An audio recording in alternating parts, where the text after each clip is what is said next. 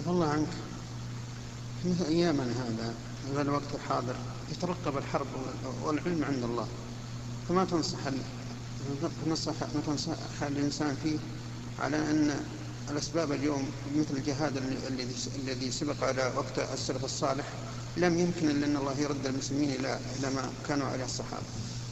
لا يمكن؟ أن الله يرد المسلمين إلى ما نعم. سبق من الأمر. يعني نقول أن النصر في الجهاد أو في القتال لا يكون إلا بشروطه. وقد بين الله تعالى شروطه في قوله ولا ينصرن الله من ينصره.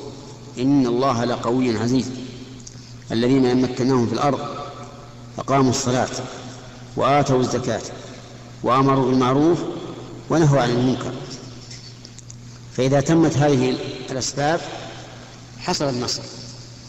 أما إذا تخلف واحد منها فإنهم فإنه يفوت من النصر بقدر ما تخلف.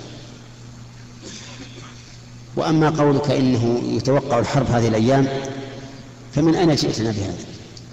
من كثرة من كثرة الأسباب اللي الذي نشاهد والحقيقة أن أنها يعني الإنسان يصير على مثل هذا. يعني قصد الاستعداد للشيء. وإن كان قد لا يكون قريبا والعلم عند الله عز وجل.